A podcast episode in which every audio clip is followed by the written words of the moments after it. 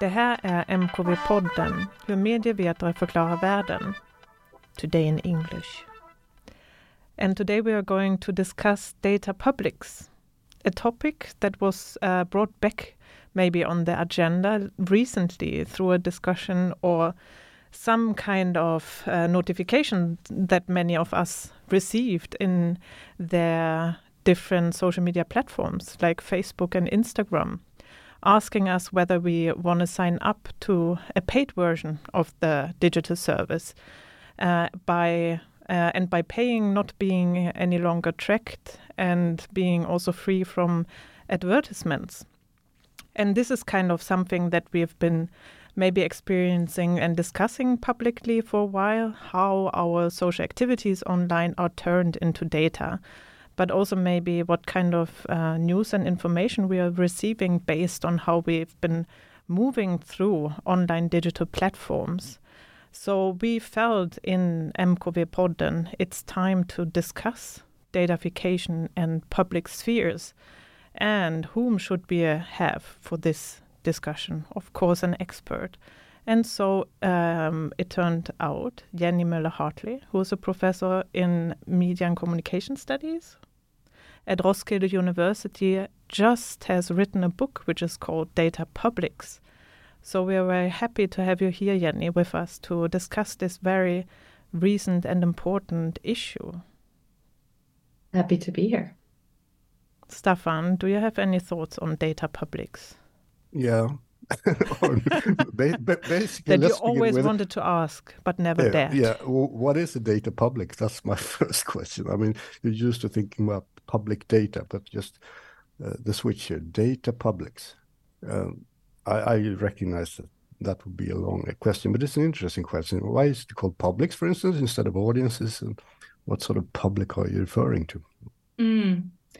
It is a it is a big question, Stefan. Yeah, yeah. I'm sorry, but thanks for posing it. I mean, right. it it uh, it is an important question also for the book, and it's something that we spend a lot of time uh, thinking about, so to speak. And in in that sense, it's kind of like a opposite worlds you know that that when we think of data we think of maybe not so much publics and when mm. we think of uh, publics uh, it's something to do with citizens and and engaging and civic engagement and these kind of uh, issues so we thought it the interesting thing was to sort of say how is data then sort of either advancing or bringing publics into being, so to speak, um, but also challenging the way that we are uh, mm. becoming public, so to speak. So our book is is particularly uh, with the subtitle saying constructing publics because we think it's something that goes on every day, and the increasing amount of data in our societies will, um, in the end, sort of affect how that happens and how that process. And then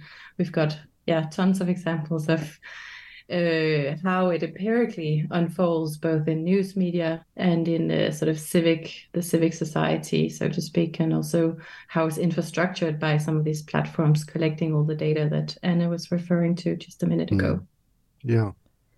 Could i just ask anna i was curious I mean, how would you respond to this request?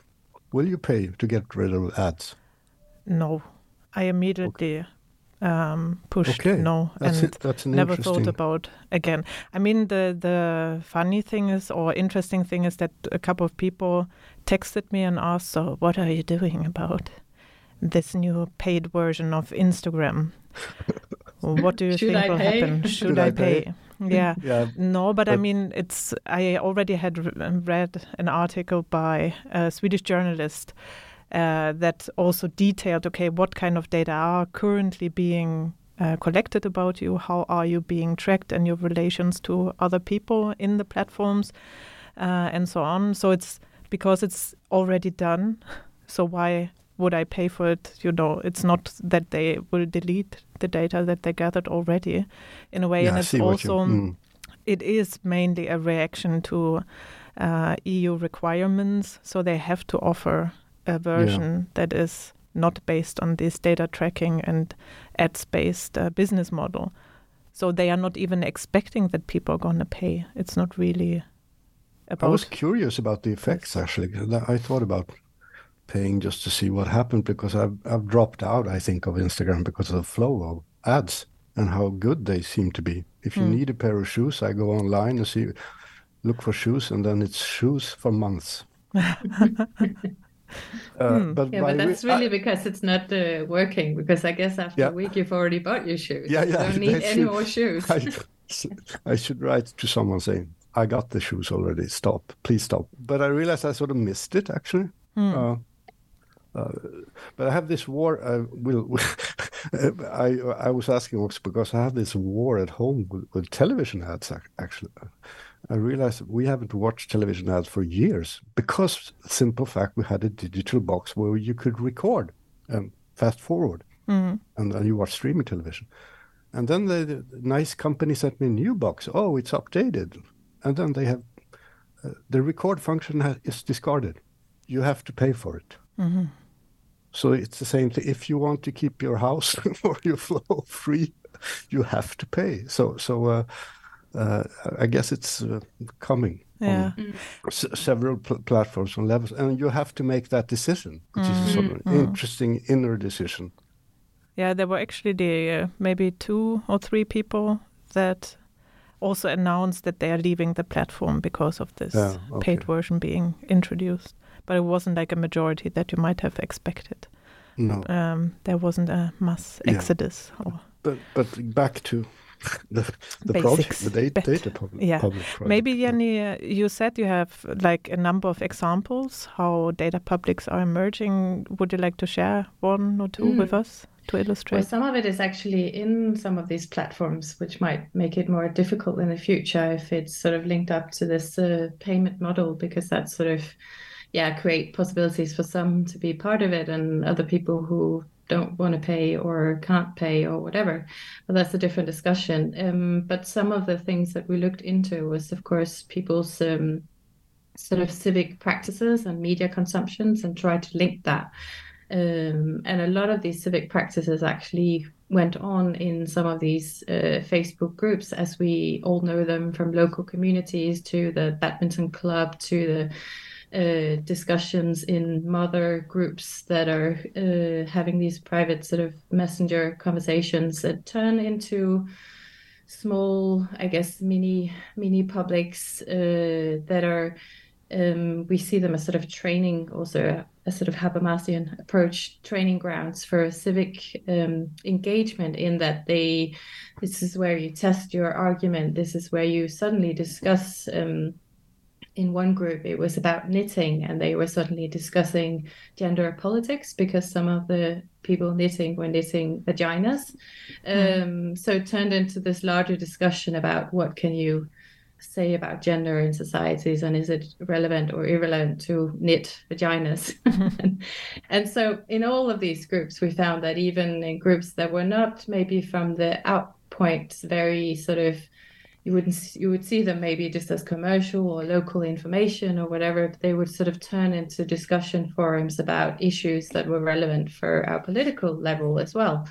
Um, so so in this way these platforms also supported a sort of uh, civicness um, but then on the other hand uh, there is a question of access because what we could see is what that not everyone had the same have the same access and not everyone has um, the ability to participate in the same ways in some of these forums.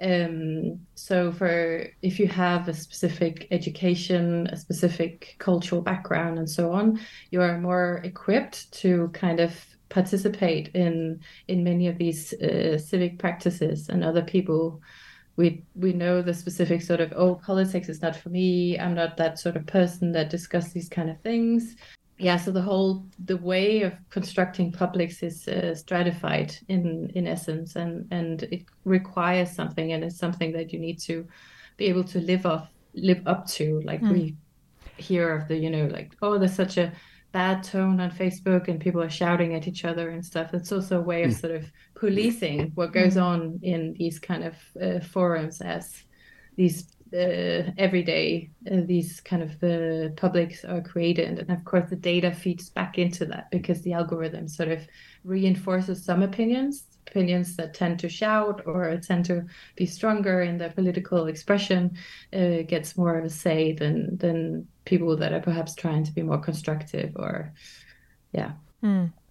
And these groups that you have looked into, are they also consciously using the data that are produced in like the Facebook platform to uh, come up? Okay, we need to reach a consensus, like in in terms of using them as some kind of voting mechanisms or visibility mechanisms, like using them consciously. There's definitely a lot of uh, visibility strategic. And again, some people are more able to be strategic than others. I think we can safely say. Some of the groups we also looked into were the Corona COVID protests groups. Um, and how they sort of used uh, both the data feedback loops, but also the different platforms across to make themselves strategically heard in the whole uh, debate about whether we should wear masks or whether we should be vaccinated, and and with great success, I would say in mm. uh, in the political climate here at least. I mean, I know then there was a sort of ridiculing going on with you know the whole tinfoil hat uh, argument, which is another way of police policing who can say what, and who is part of the sort of legitimate mm. public uh, sphere, and how these different publics, uh, even within the sort of um, the social movement, you could see that uh, they were arguing internally as well um, about trying to reach a consensus about should we be pro this or should we be against this and so mm. on. Um, to the end, they sort of separated into a sort of more violent group that were throwing bricks at the police, and mm. the other ones that were sort of banging in uh, pots and pans and singing songs about. Uh, double HO and things like mm. that. So yeah, it was interesting. Some interesting demonstrations um, hmm. and field work that we had going on there. Sounds a bit like uh, an old. I, think it was Herbert Blumer, sort of classic definition of public, which is uh, something different than a mass and a crowd and an audience. The public is always forming around a single issue and debates until that issue is sort of so- solved. That mm. was his take on on. So there are, are as many publics as there are issues, basically, that actually form around. Uh, I guess the people that's... actually form around, and that you, suddenly, yeah, you could think of Facebook groups and so on that actually are. Mm. Uh, uh, I guess that would also be the Deweyan approach um, to sort of issue issue publics that if publics are shaped around things that cannot be solved by existing institutions, yeah. um, and mm. shaped around sort of from bottom up with people forming yeah. into this. Yeah. Um, mm. We leaned a bit on sort of more Warner's uh, approach to it, which is the sort of cultural studies uh, um, idea of these uh, public sort of uh, being publics when they are able to make themselves heard. Um, Mm. and also when they're active in a sense that mm. they sort of uh, i guess also imagine themselves as part of the same uh, community um, and also cutting across different media uh, platforms uh, so not just i wouldn't say that a facebook group in itself mm-hmm. Uh, is a public um, but they are surely a part of a public which is hmm. larger mm. than them hmm. mm-hmm. Hmm but also like what you described in terms of you know discussing, debating, um, going against each other, providing different arguments for certain positions and so on. It also sounds very traditional or classic in a way, like how we have thought about publics before. Mm. What mm. what's what's the new quality of the data in the data publics? Well, the diff difference is that this data is uh, and the algorithms and the, the, everything the technology kind of intersects that in a way. So we saw for example that the social movements they would sort of the, the protesters that would um, demonstrate, they would use, uh, for example, pink smoke to make them uh, more visible on Instagram. So they would have these sort of pink uh, clouds that would sort mm. of look very beautiful mm. and Instagrammable. Um, so they sort of, in the way that they they are strategic around what they want to do and how they want to make themselves heard. They sort of react on the data. They also saw themselves as big if they got many likes. Um, mm. But in the same way as we would say, like there was lots of people at the demonstration we were mm-hmm. we are a big you know like a organization or movement or whatever it is you're demonstrating for so that i mean that whole idea of data uh, sort of being a way to legitimize yourself is nothing new in a sense, but it's just being sort of really um, accelerated and radicalized in the uh, whole platform economy when mm. these kind of public uh, formations become integrated in the in the platform mm. ways of mm. um, infrastructuring these publics. But in the book, it's not only how maybe a civic engagement is forming in in digital platforms, but also the journalistic imagination of what publics are you're yes. tackling. Because it's, uh, I guess, again in the classic understanding, there has been a media as a sort of in intermediate between uh, the civic and the the state, so to speak, and this sort of um, we call it cultivating of publics that they sort of bring again are part of bringing these publics into and it's again it's something that media studies have been concerned with uh, forever and ever so nothing new there but what is happening again in the media industry because we have a tendency to then see them as different from the platforms to see them as sort of these uh, publicists they work for the public good, so to speak. They work for public value, so to speak, but they actually do many of the same things as the platforms. So they mm. are, in essence, at least the biggest of them, are becoming a bit like platforms in the way that they also see users as data, mm. um, as aggregated data points, as something you can uh, sort of tweak and uh, control, in essence, with your algorithms. Um, and uh, something which you see as uh, consumers uh, to yeah. a high degree. So what what is the worrying thing here is that the one the media organizations that are supposed to kind of like cultivate these, um, I guess. Uh, uh, users as citizens rather than users as data, uh, it's leaning more and more towards seeing them as data. Mm. And yes, so, it's where it's something yeah. you can make money off, you know. In terms of personification, then, or Yes. Um, data is used in the same way as as others. Yes. Uh, okay. Very much in the in the sort of distribution um, level of of the way uh, news are distributed are selected, curated to mm. uh, audiences. It's very much uh, mm.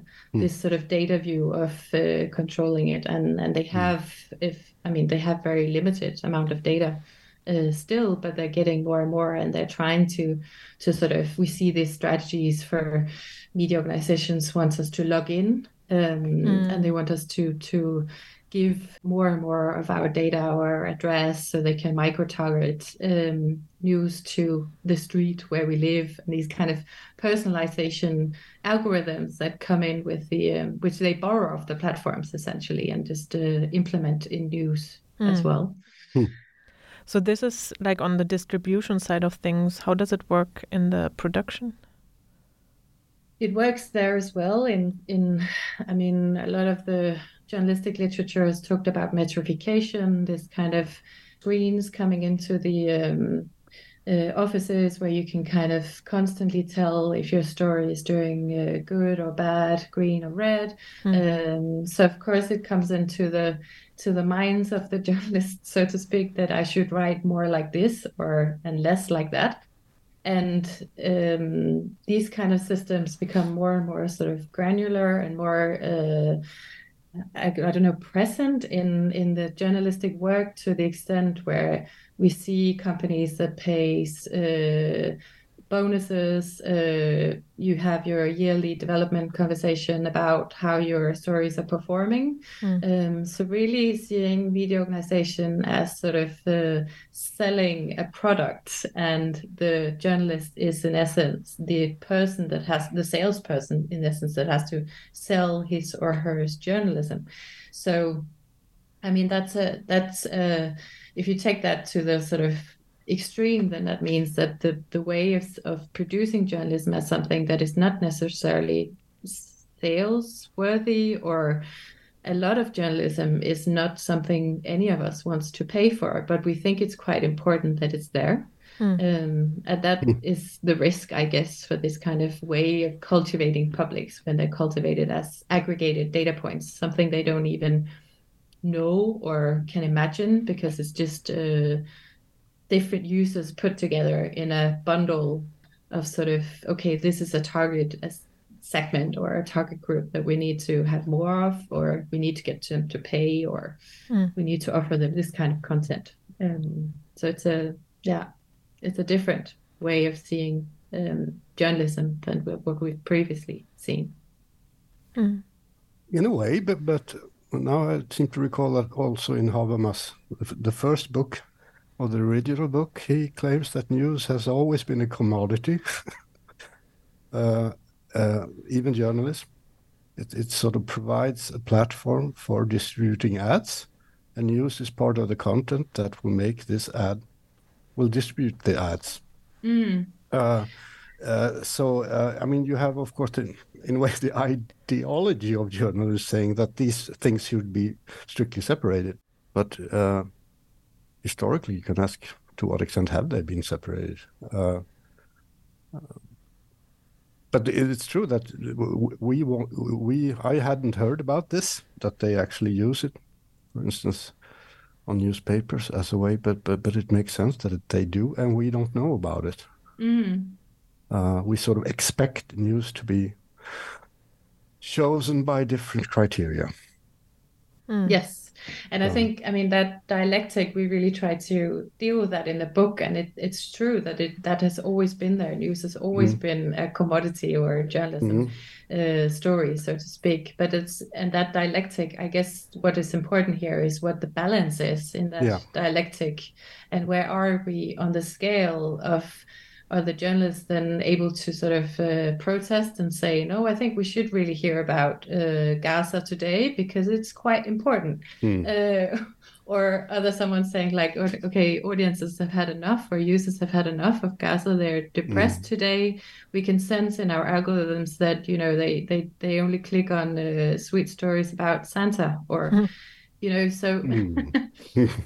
and and my my point about a, a, lot of these things is that that like a lot of us don't know a lot of the journalists are not quite aware that the distribution mm. system is changing in in a quite a radical way um, and they're not involved in any of the sort of algorithmic development or these mm. kind of like uh, personalization systems or have a say in what sort of values should guide how you design the systems because of mm. course you can guide them 100% commodity commercial like mm. amazon hmm. or you can you can design the systems so they actually bring forward different cultivate different kinds of publics than the ones that are hmm. um, otherwise hmm. uh, cultivated yeah so then I'm wondering because uh, here a couple of weeks back, uh, positive news was circulating a lot, which I felt like, is this one of those, you know, countering the discourse all news are always negative. It was about uh, on a red holiday uh, the libraries were all closed but in gothenburg they forgot to lock one door. So people were going in anyway but there was no staff. And then on monday they realized okay there were like i don't know 200 people over the weekend in the library sitting down reading books to the children and reading newspapers. And then they reported about it in all like in tv in the newspapers because nothing happened mm. and how mm. people took mm. care of this public space and you know enjoyed it without security or stuff being there and not even noticing that the library was supposed to be closed so it seems almost seemed almost like mm, here is a positive news finally something and it was yeah. really mm. circulating in in social media as well but anyway i think uh, we should also go over to the section you already mentioned Habermas um, for our mm. uh, shared reading. We were reading a text by him. I just wanted to give Jannie uh, the opportunities to say, find a word that we should take with you, with us from from your book, from the Data Publics book, um, that all of our listeners should know. Published by Bristol University Press, by the way open mm -hmm. access, downloadable. We put a, we will put a link in the show notes. Oh, thank you, Anna. Um, a, a, key takeaway, I think, uh, apart from the fact that the book is free, of course, is that you can, uh, you should really, like Stefan also said, go back to some of these like uh, traditional understandings of what creates or what cultivates publics, and then sort of put them into this uh, modern context. And it's kind of what we've we've tried to do. And succeeded to some extent. I would say there's still uh, gaps in kind of li- linking these sort of macro structures of platform economies to this sort of individual civic uh, us as uh, people running around and uh, paying or not paying for Facebook. Um, but but there's some yeah there's some work to be done there. But I think that uh, that this idea of of publics being constructed and uh, cultivated um, in this uh, cross section between the infrastructures and the media, sort of cultivating them and the sort of civic uh, agency is, is a key takeaway from the book. Mm-hmm. Sounds really interesting, I have to say. Mm-hmm. Really interesting. Thank you. What what we uh, what we've done is that we have read an article by Habermas, Jürgen Habermas, a classic, uh, really, like his his first book is a classic, or the one that is referring to the public sphere. But this uh, article that we have read together, proposed by Jannie, was published in 2022 uh, and is kind of an update of his original book. Uh, and it's called it's it's like included in an issue which is called a new structural transformation of the public sphere. So it's an maybe update of his uh, 1962 uh, book, The Structural Transformation of the Public Sphere, which was his uh, Habilitationsschrift, um, but was only translated in the 1980s into English, and then really was uh, circulated widely within media and communication studies and reached this kind of canonical status. So, in this text, he uh, considers what's happening in the context of digital platforms with the public sphere. What do we take away from this text? I thought it was interesting to to read it when you've. I mean, a lot of us work with this uh, the role of the media and and uh, and now with sort of digital media to kind of and often then I've asked myself during these these project years where we've deal, been dealing with what is a public, you know, like and mm. what is mm. the role of media in that sense, and and then always asking myself, what would Habermas think? And now and we thought, know. And now we know. yeah. So that was kind of why yeah. I thought, okay. I and should, we also uh, learned he's not dead yet. Yeah. He's one yeah. of these people you think like hasn't he been hasn't he been dead for at least thirty years? No, he's still alive and publishing. Yes. Yeah. that was a real trip for me. I have to say, I I wasn't aware of this article, um, but but just knowing the original one and teaching it mm. for quite some time and always have to coming up with with examples for updating and so on. And here's the man himself talking about podcasts and Netflix mm. and COVID and the storming of the Capitolium. Like, mm. Yeah, in, in the, it was really really fascinating to read. Uh, that's the first comment I would say. Yeah, but. Um, I agree, and I, I really appreciate the way he sort of deals with um, the civicness and the way that sort of uh, people constantly sort of confirm what you could call a social contract, I guess, mm. um, by our doings. And also his sort of, I, I read it also a bit like he was trying to tackle some of the criticism that has come against his sort of normative position mm. and uh, trying to sort of uh, say that that it always, you know, you come out of sort of you need the empirical stuff to kind of say but then again we need these normative discussions to mm. to be able to kind of have a a, a status of the current uh, public sphere so to speak otherwise it, it's all yeah. going to be a, too empiricist um, so that was interesting as well i thought mm. It was an, ironic twist I, I, I thought in in well if you recall uh, the the original book I hadn't thought about that, but you always got the sense, almost got the sense that he's sort of identifying, identifying something, uh, the model of the distinction between public and private, just at the moment of its disappearance, in a way. Mm, mm. he's feeling that already in 1962, and, and the main threat here is is modern mass media, that is television and radio, mm. actually. Uh, and then when he comes back, 2022, he's again sort of bringing up the same model, basically, mm. identifying a threat, but now it's social media. Mm. and, and, it's the same mechanism that the, these are not really public or private, these are semi private, these are semi public, and these are not concerned with, with rational deliberation, but some sort of acclamation, he says about television in 62. And mm. now it's likes and dislikes.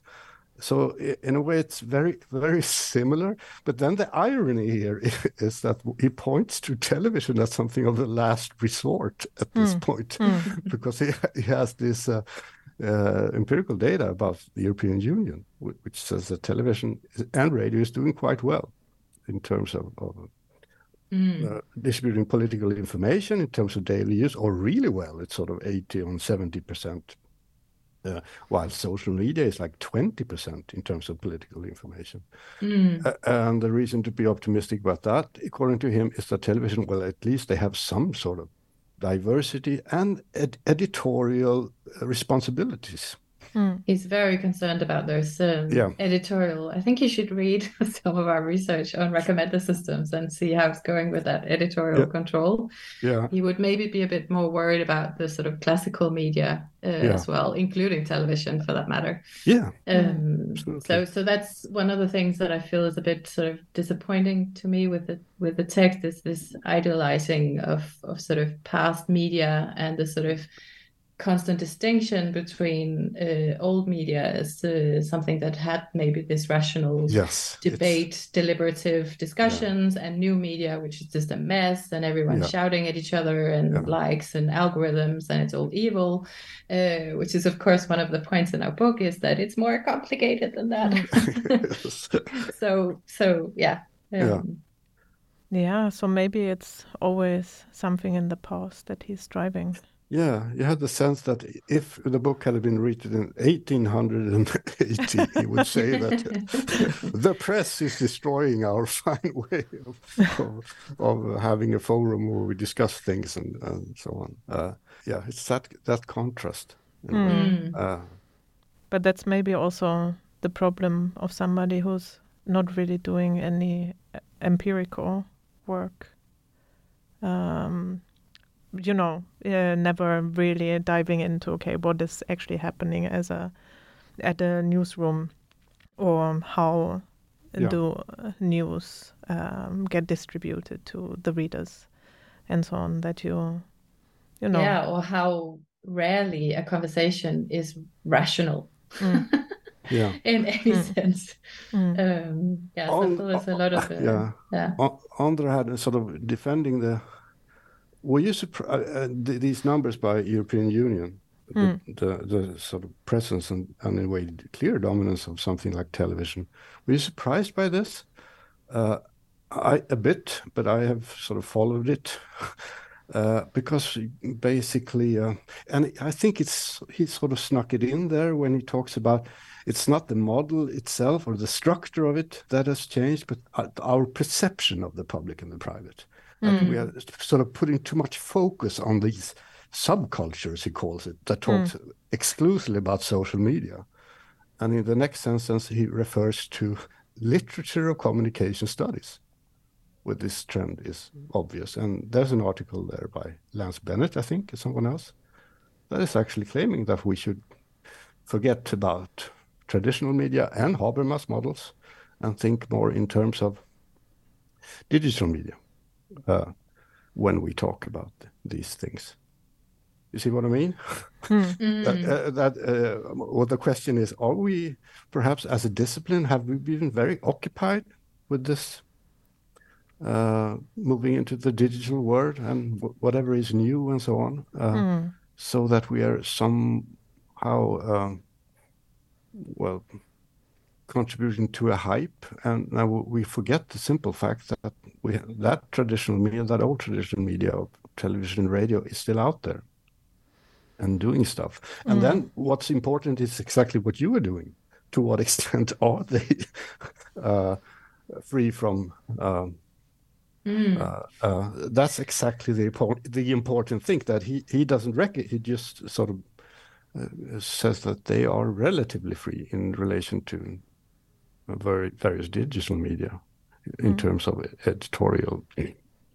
They have ed- editorial filters, right? And mm. they have re- responsibilities, and that's what should be discussed. Well, do they really? But they're there. That was that was my first point. They're actually there. Mm. Yeah. In th- three quarters of the electorate in the European Union, they are mm. up uh, there and and important but I think I don't know. I wasn't that surprised. I guess okay. I've been following the Reuters uh, digital news report and and yeah. television and yeah. um, radio has always been uh, up high and yeah. and is going. I mean, and these developments are quite stable to some extent, and and a lot they of are. the decline that we're seeing in traditional media came way before for the internet. So this thing of sort of yeah. Uh, blaming the internet for all of our miseries is not really a way a way forward.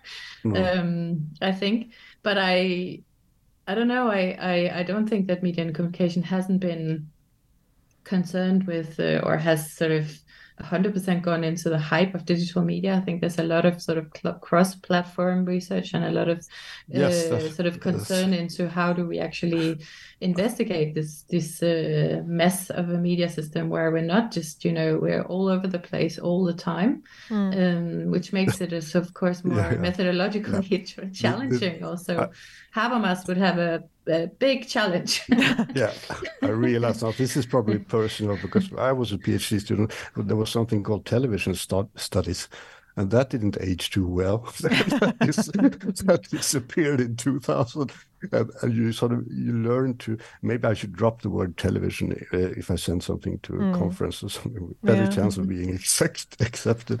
But that's also interesting how these kind of forms of institutionalization are changing, like from Institute of Mass Communication. Or I was just looking into the one of the biggest journalism studies uh, conferences at Cardiff University, which was previously called the future of n- the newspaper. Mm. Or something, yeah, and now it's mm. called the future of journalism. So it's like yeah. also mm. broadening up and opening up. But I, but I totally think what we are missing a little bit, like you have studies that are trying to, um, you know, juxtapose maybe uh, the analog and the digital, but it's still this kind of binary. But what we really need is something, you know, the traces of the analog in the digital. Like, mm. for example, if we take uh, news as an example, mm. uh, I mean, I'm reading digital news in the form of the e paper as a PDF. So I still want to have this kind of editorial curating function of the newspaper having a certain order, while many others, and this I would say is a trace of the analog in the digital. So I'm I'm reading mm. a digital format, but it has the aesthetics and the kind of you know ordering function of the analog newspaper or you take like an e-book where you uh, simulate the turning of a page you know, this has no yeah. real function for the reader. Why would you integrate this? Yeah. That you're turning a page on your screen and these kind of. That's that's actually something I was skeptical or disappointed about in reading uh, when Habermas claims that the content of the press and radio and television will not change when read on a smartphone. Mm. I, think, I think that's highly questionable. I think technology, culture, form, context does change content. Mm. Uh, and when he discusses Netflix, he only sort of say it brings interesting aesthetic changes to mm. television mm. narrative, narratives, which I read as not very important changes. Um, but I do think that streaming, for instance, changes narrative, form, modes of reception, and so on. Mm. And uh, what we might think of as aesthetics. I mean, that's Benjamin's point, mm. uh, uh, right? This is what actually is changing. Mm. And Habermas just refuses to admit that. And he was very critical, as I recall it, about Benjamin's way of thinking about this. But yeah, it seems strange that he, uh, yeah. Mm. But the real question for me is what does Christian Fuchs think about being quoted by Habermas? Yes. I mean, Habermas idealizing previously the bourgeois public sphere, and then Christian Fuchs being quoted by him in, yeah. in an updated version. Hmm. Yes, that is. Yeah, that was a, a good one. yeah. Makes okay. juggle. Um, yeah. But it's always also, I mean, these kind of uh, solutions that he also come up in connection with that uh, is interesting to discuss. I think because it's it's these things of sort of the people's internet and the people of the can we have ownership of our own data, mm. and mm. that brings us back to the what we started with the payment for for privacy, so to speak. And I just think I don't know the the other thing is literacy. So there's two these two solutions that he he thinks is maybe the the the savior of this uh, public sphere mess we got ourselves into with the social media. And that and and both of those i find kind of um, very limited uh, in their i mean what we come from in our book is that that people are sort of have the social background and and us and the whole public sphere is stratified to some extent. And that would mean that that literacy i'm not sure that's going to work. Like if uh, people with a a really poor background a newspaper and tell them mm. how to read it. And then that will bring uh, a sort of civil rationalized uh, rational conversation into social media. I can't see it. I'm not saying that literacy is not something that we should focus on. I'm just not uh, seeing it as a sort of solution to to mm. everything and the same goes with these sort of ownership uh, models of, of platforms. I also find it a little bit uh, difficult to to foresee why should people spend their time and energy to be part owners of uh, or have a say in. I mean, again, it's it's the ones that are then already active or already have a massive amounts of resources that can kind of go into these uh, battles with big platforms, but a lot of hmm. people don't. Um, mm. I don't have the free time to kind of be, um, you know, I'll have a say on the AI Act. I'll just write my proposal tomorrow uh, morning before I sort of mm. go to work in the factory. You know, it's not. Uh, there's a lot of people that don't. They cannot be. Uh, they cannot live up to these uh, ideals of uh, neither literacy or ownership or being a part of or and then we can discuss sort of uh, state owned um, platforms and sort of but that's a that's a longer discussion i mm. think mm. Mm. when you mentioned literacy I, I recall a passage where i actually had to laugh because uh, let's see here it is just as printing made everyone a potential reader today digitalization is making everyone into a potential author and then but how long did it take until everyone was able to read? that hmm. question, which is suddenly dropped. Okay, was that 400 years or something? so maybe he's not. Uh, is this maybe this is sort of longue durée version mm. of, of, history and theory? it's not only it's not stubborn or nostalgic. We have had this notion of public sphere for some 300 years. We have to, mm. but and we're so fixated on change and rupture, so on. Mm. But, but slow history might be moving towards literacy consumers who are actually producing, readers are actually who are actually writing, but it, if so, it will take time. Yeah, and he um, will wait for it. He will survive he, it. He won't be around. he will. Never say. okay, we have to come to an end, Jannie, and we always end with the same question. What song should we play for you that kind of represents what we've been talking about today? Uh, I would choose um, the song by a Danish group called Uhørt. Um, the woman in the band is a poet, and it's got some really nice lyrics in it, and it's called Dagene at data, dagene er data, um, or the days are data, um, and it's nice. We will play that for you. Thank you, Jannie. Thank you. Thank you for having me. Thank you. Alle data, vi forærer det væk Svæver frit som duerne på Toftegårds plads. Det faktum, at jeg ikke kan sige nej til dig. Alt er data, alt er data. Alt er data. Dette digt er data. Dagene er data. Og dagen